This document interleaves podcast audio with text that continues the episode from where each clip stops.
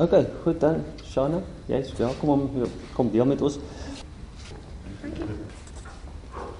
Baie dankie dat ek kon kom vandag. Dis 'n groot eer om hier so te wees. Uh ek het nie besef so baie van julle is Afrikaans nie, so ek het half alles in Engels nou voorberei. Ons verstaan Engels. Ek is 'n boer in my hart, maar ek gaan nou my Engels moet gesels met julle vandag. Um so thank you very much for inviting me.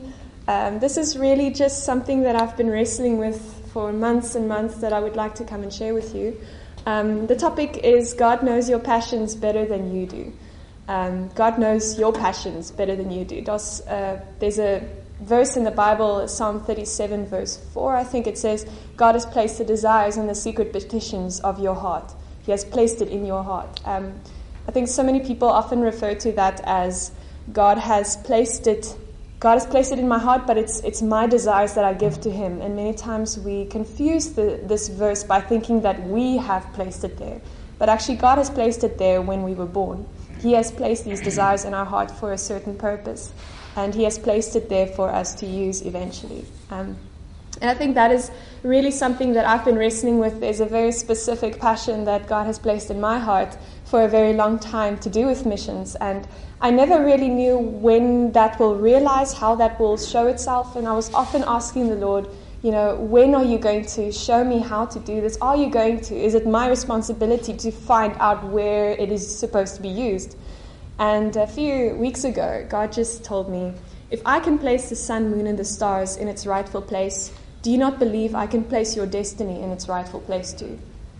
I, I'm going to repeat that. If I can place the sun, moon, and the stars in its rightful place, do you not believe I can place your destiny in its rightful place too? And I really want to share a bit more on that today with you the destiny, the, the road that I've been on, and how God has placed it in its rightful place. Um, before I start with that, I'd like to say I have, I'm sure many of you have met my dad. I did earn and uh, get a lot from him in terms of personality, in terms of character, in terms of how I look at things, which is both a curse and a blessing. Um, and much of that is also being heavy, heavy of a control freak. Everything is just preempting, looking at how things should be and shouldn't be, controlling it as much as possible, not to be surprised. And when I am surprised, trying to find out what other plans I can put in place. Um, this is really counted against me as a Christian because there's a large chunk of your personality that often pushes God away.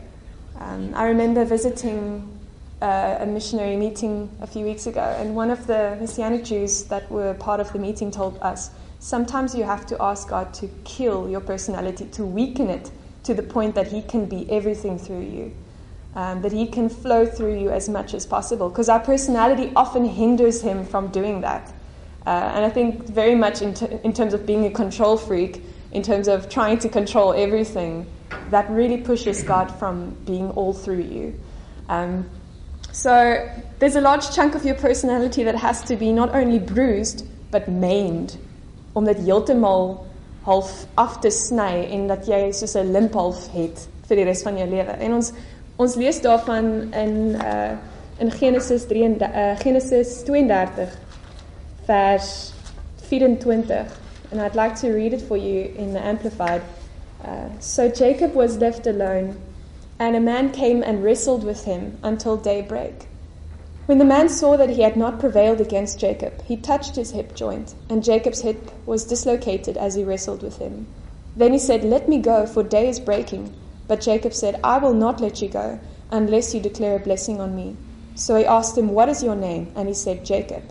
And he said, Your name shall no longer be Jacob, but Israel, for you have struggled with God and with men, and have prevailed. Then Jacob asked him, Please tell me your name. But he said, Why is it that you ask my name? And he declared a blessing on Jacob there. So Jacob named the place Peniel, saying, For I have seen God face to face, yet my life has not been snatched away. Now the sun rose on him as he passed, and he was limping because of his hip. In um, this verse, I'd, I'd like to extract a few things for you from this, just regarding the personality and regarding the breaking of yourself in order to be used by Him. It's that whole understanding of breaking the vessel so that the ointment can flow, breaking and bruising the leaves so that the fragrance and the aroma can come out. Uh, Jacob in Hebrew, actually, Yaakov means the one who grabs the heel or the supplanter or the one who schemes. Uh, and it's interesting, oftentimes in the Bible, you would see where God changes the names of people, much like Sarah and Abram, or even um, where Jabez asked God, Let my name not become my destiny. And the name is very powerful in showing identity, but when God asks Jacob, What is your name? he doesn't just ask him in a conversation, you know, What is your name? Oh, nice to meet you. It's asking him, What is your identity? Do you know what your personality is? Do you know your personality is hindering me from being all through you? And Yaakov, which means supplanter, he didn't say, My name is Shana, my name is Jacob. He said, My name is supplanter. I'm the one who schemes. I'm the one who has done all of these things, who has done all of the, the bad things that I was not called to do or to be. And then God says, Your name will no longer be supplanter, or one who schemes, or one who grabs the heel of someone else, but your name will be Israel. And when you look at the meaning of Israel, um, in Hebrew it means the one who contends or who wrestles with God, not against God, who wrestles with God. And I think we have to understand what, what does that wrestling mean in our lives? Is life very much a wrestling match continuing with God to break the man, to break the sinful nature, and to live fully in His embrace and fully by His light and His Holy Spirit's guidance? Um, interestingly, Yaakov means also to hold back or to restrain from. And we are called to put everything on the line. When I chose to walk the path that I chose, it's needed to put everything on the line. When Esau approached him, half of Jacob's livestock he, he lit out before him to meet Esau, and the other half he left behind him. And he thought, you know, if Esau comes and he kills him, hopefully the other stuff will, will, will at least be gone and will be safe, and he will eventually go back and fetch it. But when God approached him and he wrestled with God, he took all of his livestock, all of his animals, all of his uh, people, and he led them over the Yavok River, and he stayed behind alone. And I think that's what God asks of all, of, of all of us to detach ourselves from all the material possessions that we have, all of the extra add ons that life has given us, and to come naked before Him and say, Lord, this is just me. There's nothing added, there's no attachments. This is just me here to do your will. Um, so, our whole lives become a wrestling match with God to shake off the fallen nature and to live in Him fully. And yeah, that is basically just a short introduction to, to this path I chose. Um, I had a lovely grandmother. It was my mom, my dad's mom. She was a nurse, uh, Yvonne Fisaki, I'm sure, Uncle Yuri, you know her. And uh, she became a nurse at the age of 16. And she, she started just much like Mother Teresa. I see so much of Mother Teresa in her, how she's just went and helped and loved and and aided people wherever they had need. And she became nothing so that God can be everything in her. And I gave my heart to Jesus when I was nine years old with her on the floor. And I still have the little leaflet in my Bible where it says, Today I give my heart to, to Lieve Jesus. And uh, she wrote down the signature. She said, I am a witness. And we did a whole signature thing. And I still have it in my Bible as a memory of that moment where I was nothing and God was everything. And that moment has gone with me in various stages of my life. But that choice of, of being nothing so that God can be everything kind of followed me like a lovely curse in a way because it was a difficult self crucifixion kind of thing. Um, and I remember going to Stellenbosch for example, I wanted to be a doctor as well, just like my granny, to go and study medicine to help people. And uh, I went through a very difficult time at school, had a lot of rejection, a lot of pain, didn't have any friends, didn't fit into any circle. Um, later on, I realized I wasn't called to be fitting into any circle, really. Was it um, because of, sorry to interrupt, was it because of your decision to follow Jesus? or? Um, definitely. And it was also just because of my family heritage, where I came from, who my grandfather was, who my dad was, a lot of those things. Um, but also that whole decision of staying pure at a very early age, you know, staying true to what God has called me to be and to do, that very often didn't fit into the popularity You know, and I'm sure many of you have daughters or, or know of people or have granddaughters who struggle with identity at school. Um, recently, I, I went back to my high school and I gave my testimony there, and it was such a great, victorious day of what God has taken and done from this broken vessel who would lock herself up in the bathrooms during breaks because she was too scared to go out. Oftentimes, you know, you would revert into that. I would go to the bathroom dorms and I would lock myself in. And I would be so scared because I knew if I went out to the playgrounds, the eyes would be on me the gossip would start, and I would be someone that was abhorred and not liked by anyone really. But you know what happened during that time when I had no one, I only had Jesus. It was the whole concept of having nothing but Jesus. That was the biggest blessing God could ever have given me. Even though it hurt so much, even though it was so painful to know that no one accepted you, I knew that God accepted me. And I knew that I could find acceptance from His loving hand. And that's also helped the decision of saying, Lord, when I finish here, I want to go and work for you full time. There's really no place for me in the corporate world. Not that Christians aren't called there, but I know for me and my life, I'm called to worship and serve you full time like Samuel in the temple. So when I decided to study medicine, I remember going to Stellenbosch and busy applying and doing all the things and for some weird reason which doesn't make sense because I'm a very much a control freak like I mentioned I missed the benchmark tests okay? I don't know how that happened I don't know God knows but I missed the dates and I mixed it up with something else. And when I got there I realized my benchmark tests aren't written and the woman looked at me and she said how did you miss them it was very clear it was all over you know the web page I said don't know I don't know and somehow that actually brought my application status down with like 50%. And I told God, you know, I thought I was called to study medicine. I thought I was called to aid people and that this would help me in the mission field or help me in some way. And I didn't understand. But at that stage, my mom was busy speaking to someone. And I remember turning around and looking and seeing this man. And this man came up to me and he said, he heard what happened um, he's, he, he is, at that moment, he was the dean of the BA faculty, and he used to be my mom's philosophy tutor when she was in Stellenbosch. Just his, her tutor, but he recognized her face some 20, 30 years later. And he came up to her and he said, You know, I want to, to speak to you. How are you? I haven't seen you in years. And then my mom told him of what happened with me. And he came up to me and he asked me, Young lady, do you have any BA language courses or BA courses that you have enrolled for. And I told him that was my fourth choice.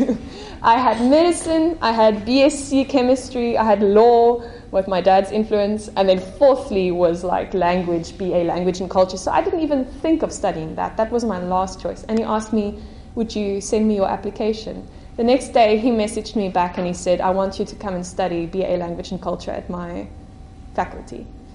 So, without me doing anything, God literally shoved me, pushed me, gently nudged me into that direction of studying BA language and culture. With God's grace, I finished my first year with 95% average. And really, this is not saying or blowing my own horn. This is really telling you that God confirmed the necessity of me going in this direction by blessing this. By blessing this process, I finished my degree cum laude, praise God, and looking back now, I can really say that this was God's hand. I studied um, Aramaic, Hebrew, French, mm. German, and Arabic, um, those five languages. And looking back now, it really, really, really prepared me like no other thing for the mission, for the missionary life. Um, when I finished my degree, I enrolled into In Context International with Lebo. I know Lebo was here once with you guys. And uh, so far, I've already been at, at three countries this year. Um, it's been such a blessing, and I'd maybe like to share a bit on those countries. The first one was Lebanon. Uh, we had the huge privilege of visiting the Syrian refugee camps uh, in Lebanon. We also visited uh, Syria and Lesotho, and then also going to Egypt in the next few weeks. And once again, I had the honor and privilege in 2015 when I was in Matric to visit Israel. And Israel and Lebanon, just looking at how God uses a 22 year old to understand the contrast that the Middle East is involved in at the moment with the Syrian refugees, but with the Jewish non believers, and how he is using the Arab Christians to bring the Jews back to Jesus. You cannot believe it. It is incredible how strategic God is.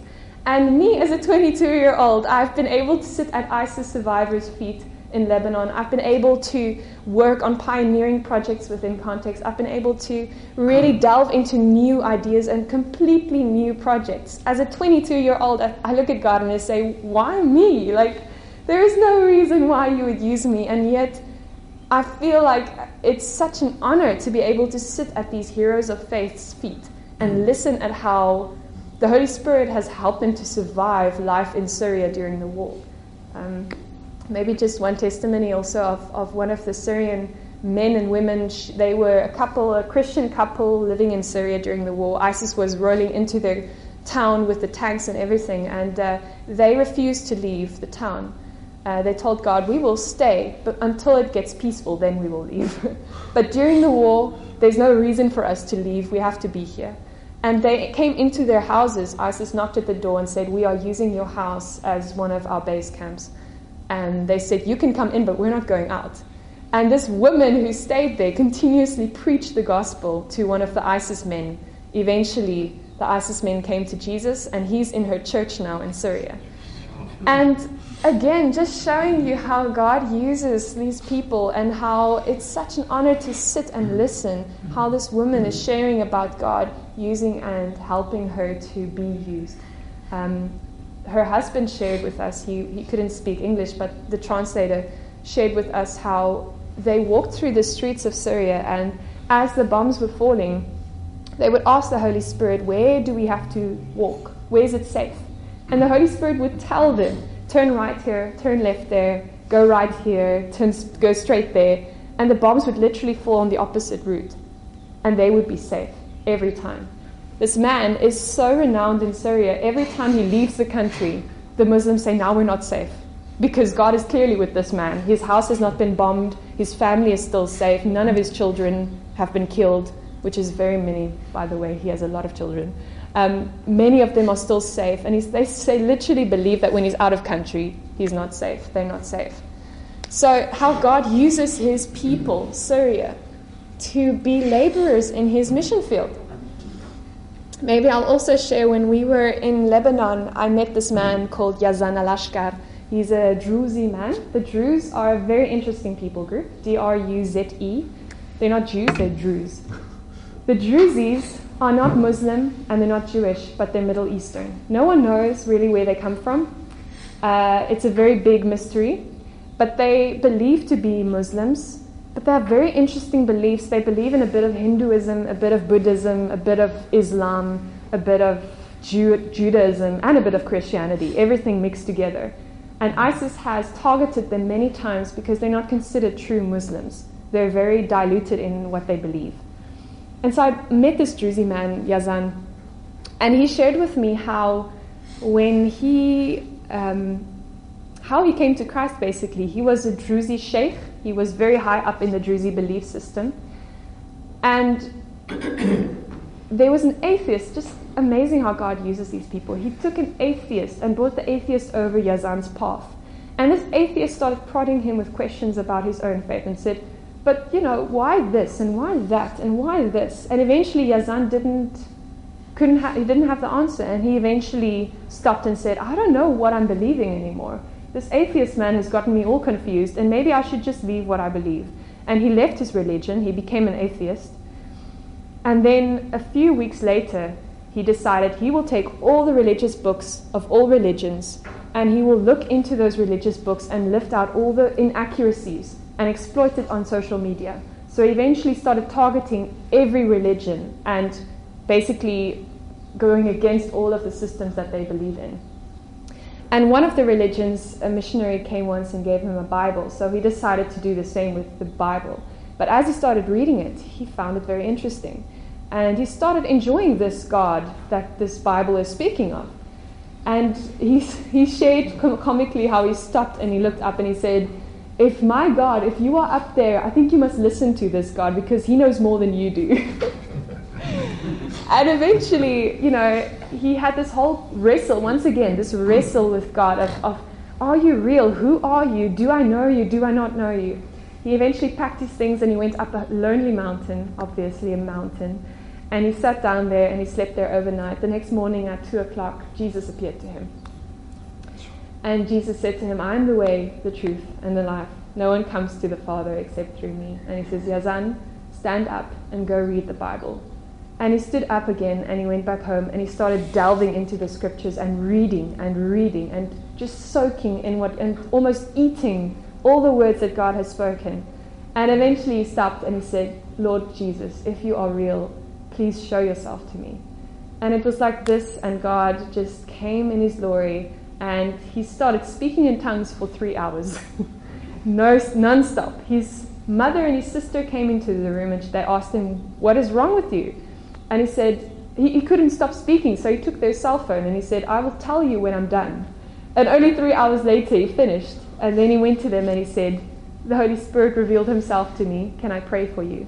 He prayed for his mother and sisters. They also became Christian and they also got tongues. They also started speaking for two hours. Sure, praise God. And eventually, um, his uncle came in. He saw what was going on and he threw Yazan on the streets. Um, Yazan was on street for six months. But in those six months, God equipped him and he started working as a full time missionary under his own people. Why am I sharing this with you? Because God is raising up missionaries under his own people. He's raising up missionaries in the Druze communities. He's raising up missionaries in the Arab communities in Lebanon and in the Syrian camps. He's raising up missionaries in the Jewish communities. In these areas, everywhere, God has the ability to raise up missionaries in his own way. So many times, it's not a choice, really, if you think about it. Christianity it is a choice, but when you walk in God's will, oftentimes you are called or you are chosen. When you are called, many times there's a choice, but when you are chosen, oftentimes you will come whether you walk or whether you crawl. but God will make sure that you come. And with this man, yes, he had a choice, but at the end of the day, he says when he looks back, he was chosen and called since the early age. And the following just happened by God's hand. Um, we also, you know, went to missionary camps where you would find Kurdish people, and Kurdish people are from the north of Syria, so they're very different to the Syrian Arabs. They're also Syrians, but they're not Syrian Arabs. Um, to understand how God is using Lebanon, you have to understand the dynamics of the country. The Lebanese call themselves Phoenicians, not Arabs. Uh, they don't consider themselves to be Arabs. So you've got the Lebanese there, the Phoenicians, then you've got the Syrian Arabs there, who are very, very, very strict and con- um, uh, conservative, conservative in how they view Islam. Then you've got the Kurds who are more liberal, and none of them like each other. All of them hate each other, okay? But all of them are Muslim, but all of them hate each other. And when you walk into that dynamic, you've got ex ISIS believers also who have come to Christ who are there. You've got people from Iraq who are Assyrians who also have come to Christ who are there. You've got people from Somalia, you've got people from Ethiopia, you've got people from Bangladesh, you've got people from India. It's just so many cultures stacked into one. Sorry to interrupt, and how's the connection between the believers coming from all the backgrounds? Because we as churches. Yes, the denominations, yeah. for sure. It is incredible to see how war and how terror and trauma have united all of the different cultures and people groups into one denomination. Um, I say this because oftentimes you'll see how war and terror have actually a unifying effect. Um, when you look at South Sudan, we're also working in Uganda with the South Sudanese refugees. They call them the forgotten refugees. Um, we asked some of the, the council, uh, some of the church leaders there, what do you think has this war, what effect do you think has it have, has it had on you as a people group? And he says unity. The war has united us because of the war against Christians, not against one denomination, against Christians. That actually has brought all the denominations together. Um, the same in Lebanon, because of the Syrian war, because of many of the issues in Lebanon as well, the war going between Israel and Lebanon, um, it actually unites the Christians more. Um, and once you realize, you know, how much there is to, to, to lose, that unity becomes so essential, you know, to, to, to stick together and to live in Christ more than ever. Um, I also want to share this, this kind of framework that God has taught me early on with becoming part of in context is in the non essentials, liberty, in the essentials, unity, and in all things, love. I'll repeat that. In the non essentials, liberty, in the essentials, unity, and in all things, love. And I think that's really something very important to remember. It's so important to understand that the non essentials, oftentimes, those things are the things that bring conflict. But the essentials, the fact that Jesus is the Son of God, the fact that He died for us, the fact that through Him there is redemption and salvation for all mankind, the fact that He rose again, all of those things we realize are essentials. But when you go to Lebanon, you realize it's a thing between life and death. It's no more a thing about who drinks wine or grape juice during communion, or infant baptism, or, you know, big baptism. Yes, those things are important. But are they important enough for there to be such disunity in the body of God? So, really, to, to pray and ask God to, by His Holy Spirit, reveal to us what is causing disunity in His body, and how can we as a church and as a Christianity, as a faith, as a people, come together and speak about these differences in love and unite as Christians and as people of God.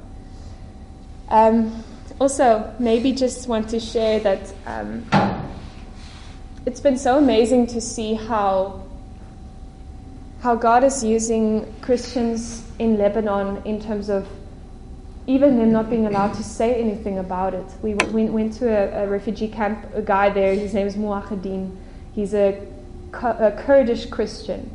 His family group has 20 people in the family. He has a 20 member family, um, and they all live in one refugee camp tent.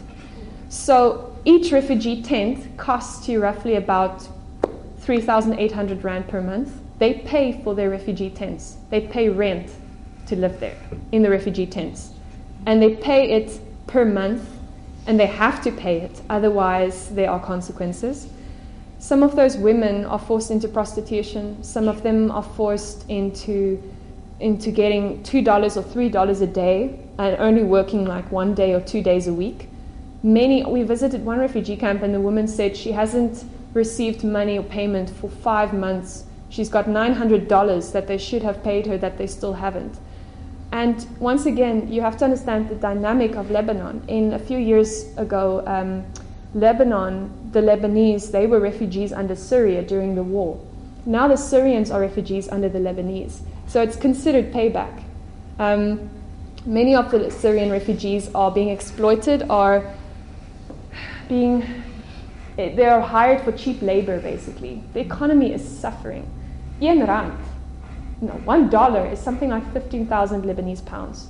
It's really, really, really bad. But you know, through all of that, when you go to Syria and you see it's like a giant has stepped on all of the buildings, it is, there is nothing. It's ghost town upon ghost town upon ghost town.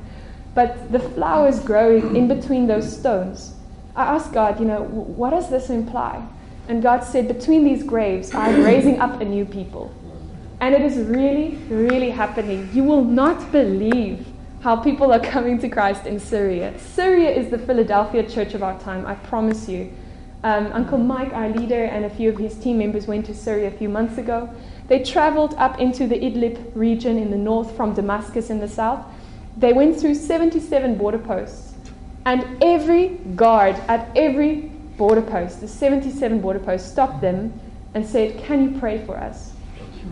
They were wearing collars, those typical preach collars. Um, one of our contacts in Lebanon took them up because he can, he's a Lebanese, so he can go from Lebanon into Syria with no issues. So he took them up into Idlib. And he told them, if you come with us, you have to wear the collar. And Uncle Mike said, but that's exactly what we're not supposed to do. We shouldn't identify ourselves as Christians, surely. He said, just trust me. And after each and every border post, the guard stopped them and he said, pray for me, please. And after they prayed, one of them, they continued again, and he stopped them again, and he said, Pray for me again. It is that hunger that you have not seen before. It is incredible. And that is what war does. I'm not saying everyone should go into war, but what I'm saying is it has a purifying effect. Pain and trauma and suffering has a purifying effect that you will never, never, ever understand fully without God's wisdom. Um, I'm so grateful to see how God has opened this window. And guys, in context, in, in that sense, it is such a strategic ministry in the fact that it recognizes the strategic windows that God is opening in every world, in every con- continent, in every country. That God is opening. This crisis, this Syrian refugee crisis, the crisis of the refugees, is such an opportunity for the church. Because the Syrians have come into Lebanon. It is Lebanon is open to each and every Westerner or each and every Christian missionary who can come in and spread the good news there. You wouldn't have been able to do this when everyone was still in Syria. But now that all of them are in Lebanon, it is so much easier to come to them, to reach them with the gospel. This is an opportunity I don't think everyone has seen before. Um, and it should be used fully. So, really, that has been such a blessing to be in Lebanon and to see the refugees there. Um, a few weeks ago, we were also in Lesotho for four weeks. And um, there also, you know, it's amazing to see how each and every culture group has a specific, um, how shall I call it, weakness that God is using.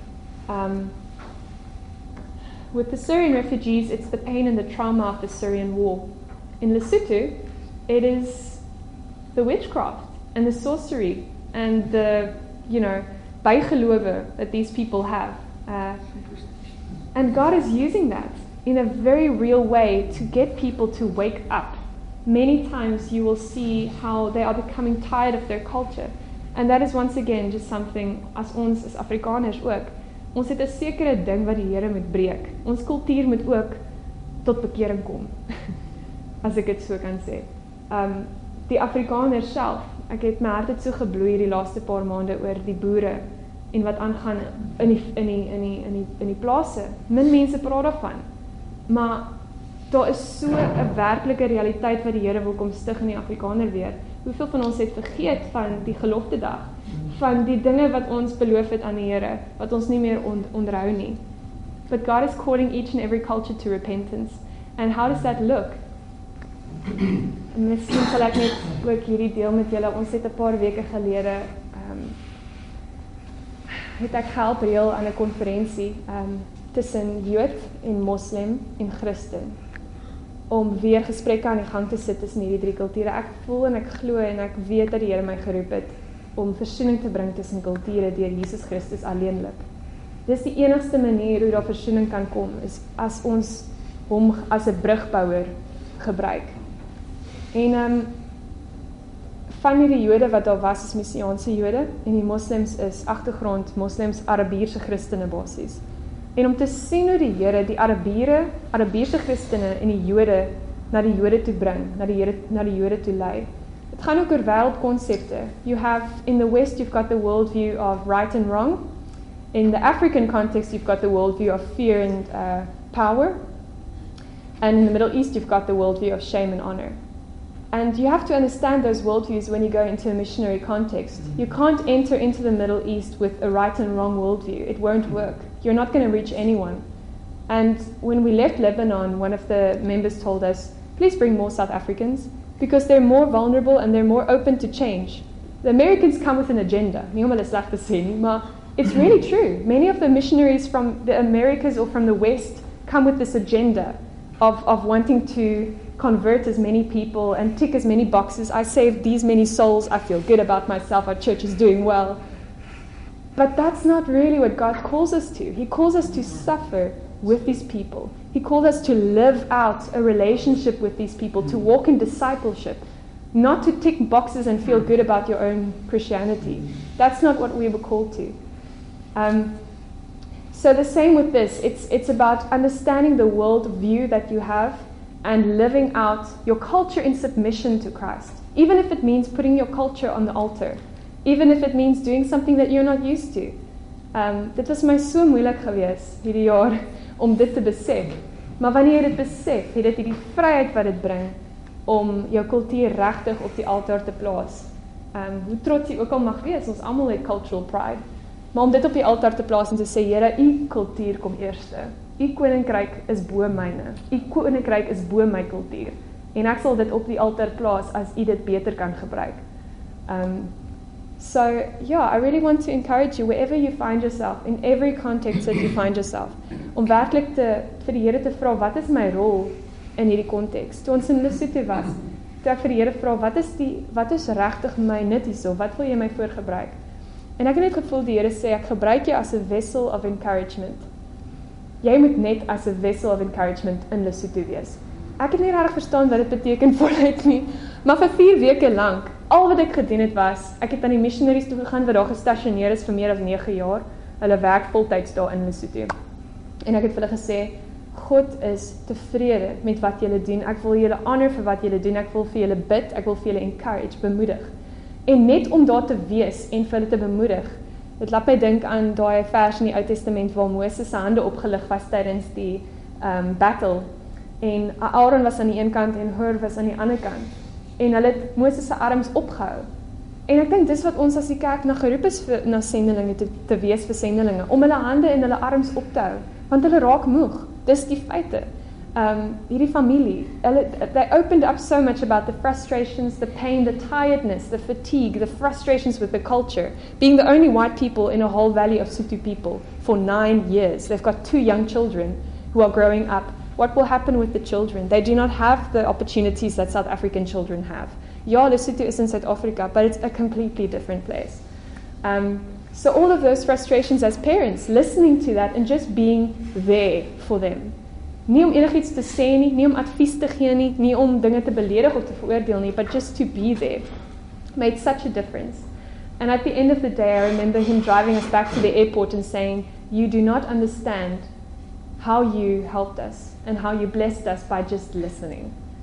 Um, and really, um, I think God is calling the Church of, of, South Africa not only to step up and to recognize the season that we live in, but also to fully and completely embrace the need that the, that, that the missionaries and the communities have for you to encourage them, for you to pray for them, um, whether it's helping them financially or through prayer, whatever way it looks like to really understand that God needs us to partner with Him um, in bringing these people in.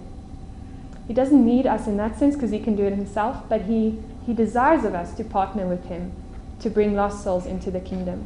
But if our workers are tired in the field, it's not going to happen. Um, so, yeah, this is just some of the testimonies um, that I wanted to share. Thank you about the people in Lebanon and the people in Lesotho. And uh, yeah, it's, it's incredible to see how only in a year God has placed so many blessings in my heart that I know is there to be given out again.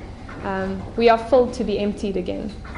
And in whatever form that takes, this, the essence of the message is still wrestling with God until that starts taking place. Not giving up, not letting Him go, asking, Lord, give me the blessing.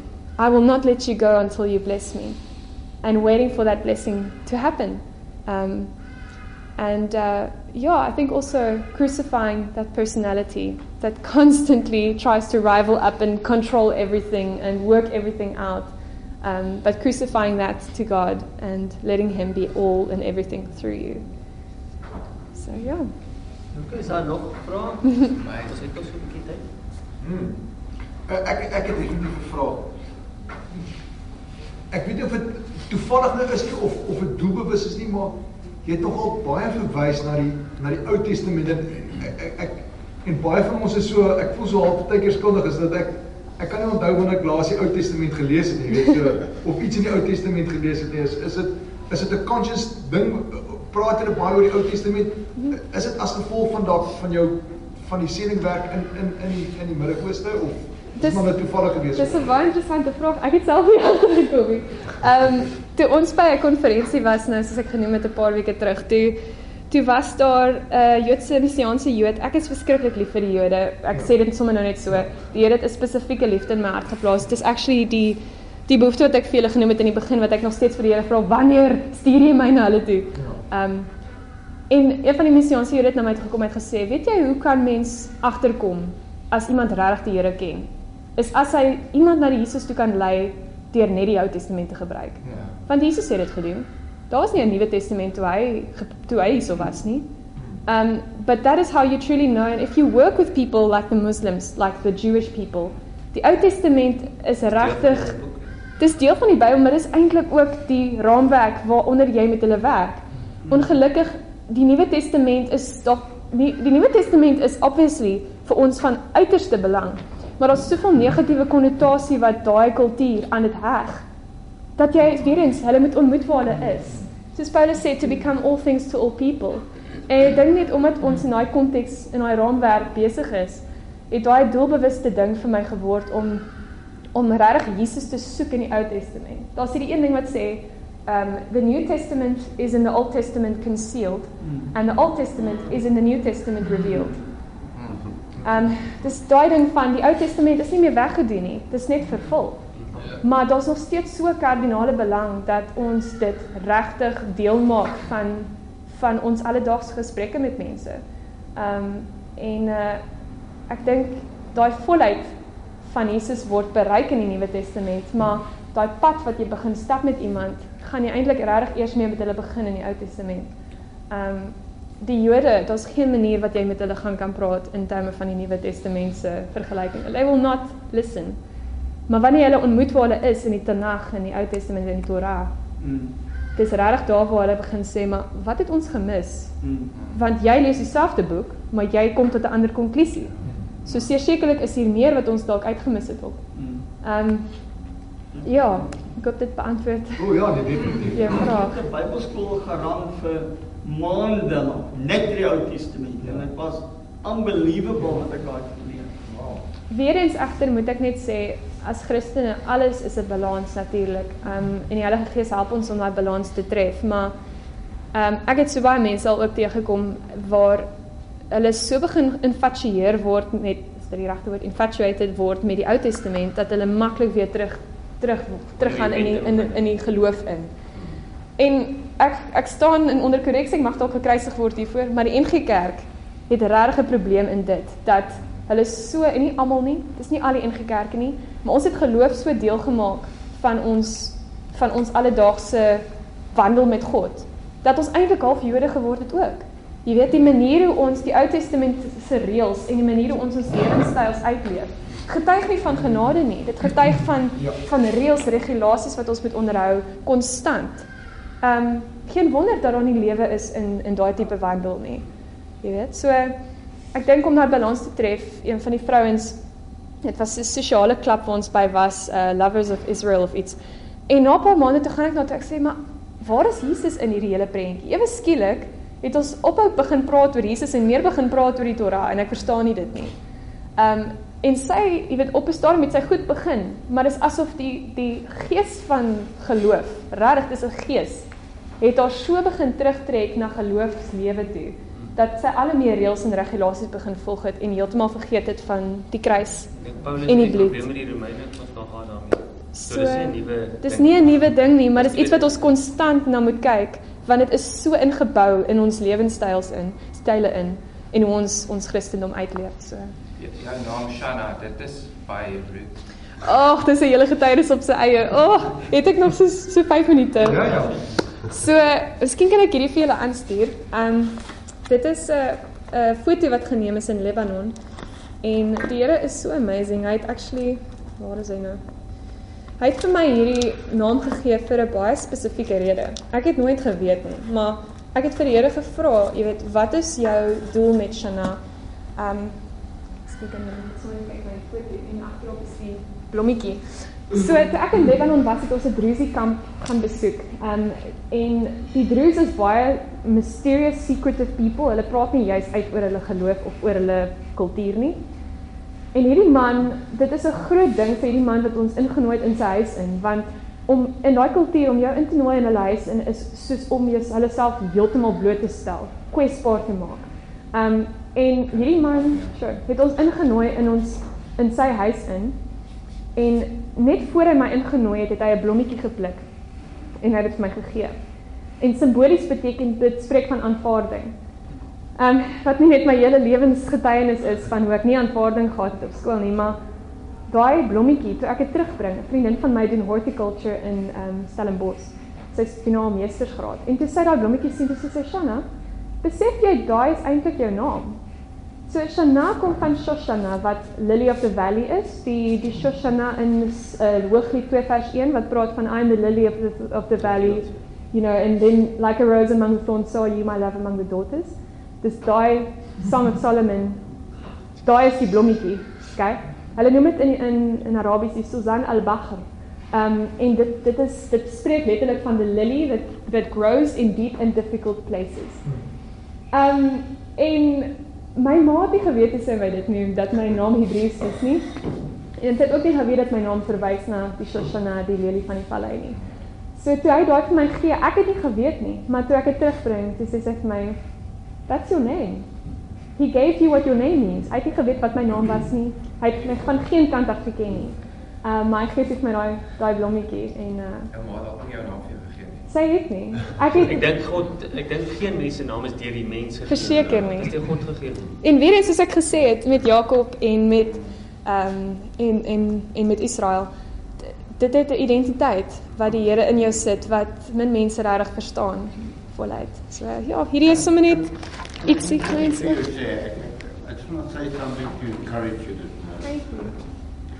Firstly, your wisdom is and your insights is far beyond your age. It's quite amazing listening listening to you. Now, words and taste has got the same connotation in the spiritual world.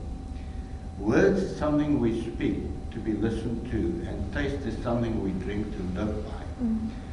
The words that you spoke this morning is like someone that has taken a cup of water from the spring, the original spring, and gave it to me to drink this morning.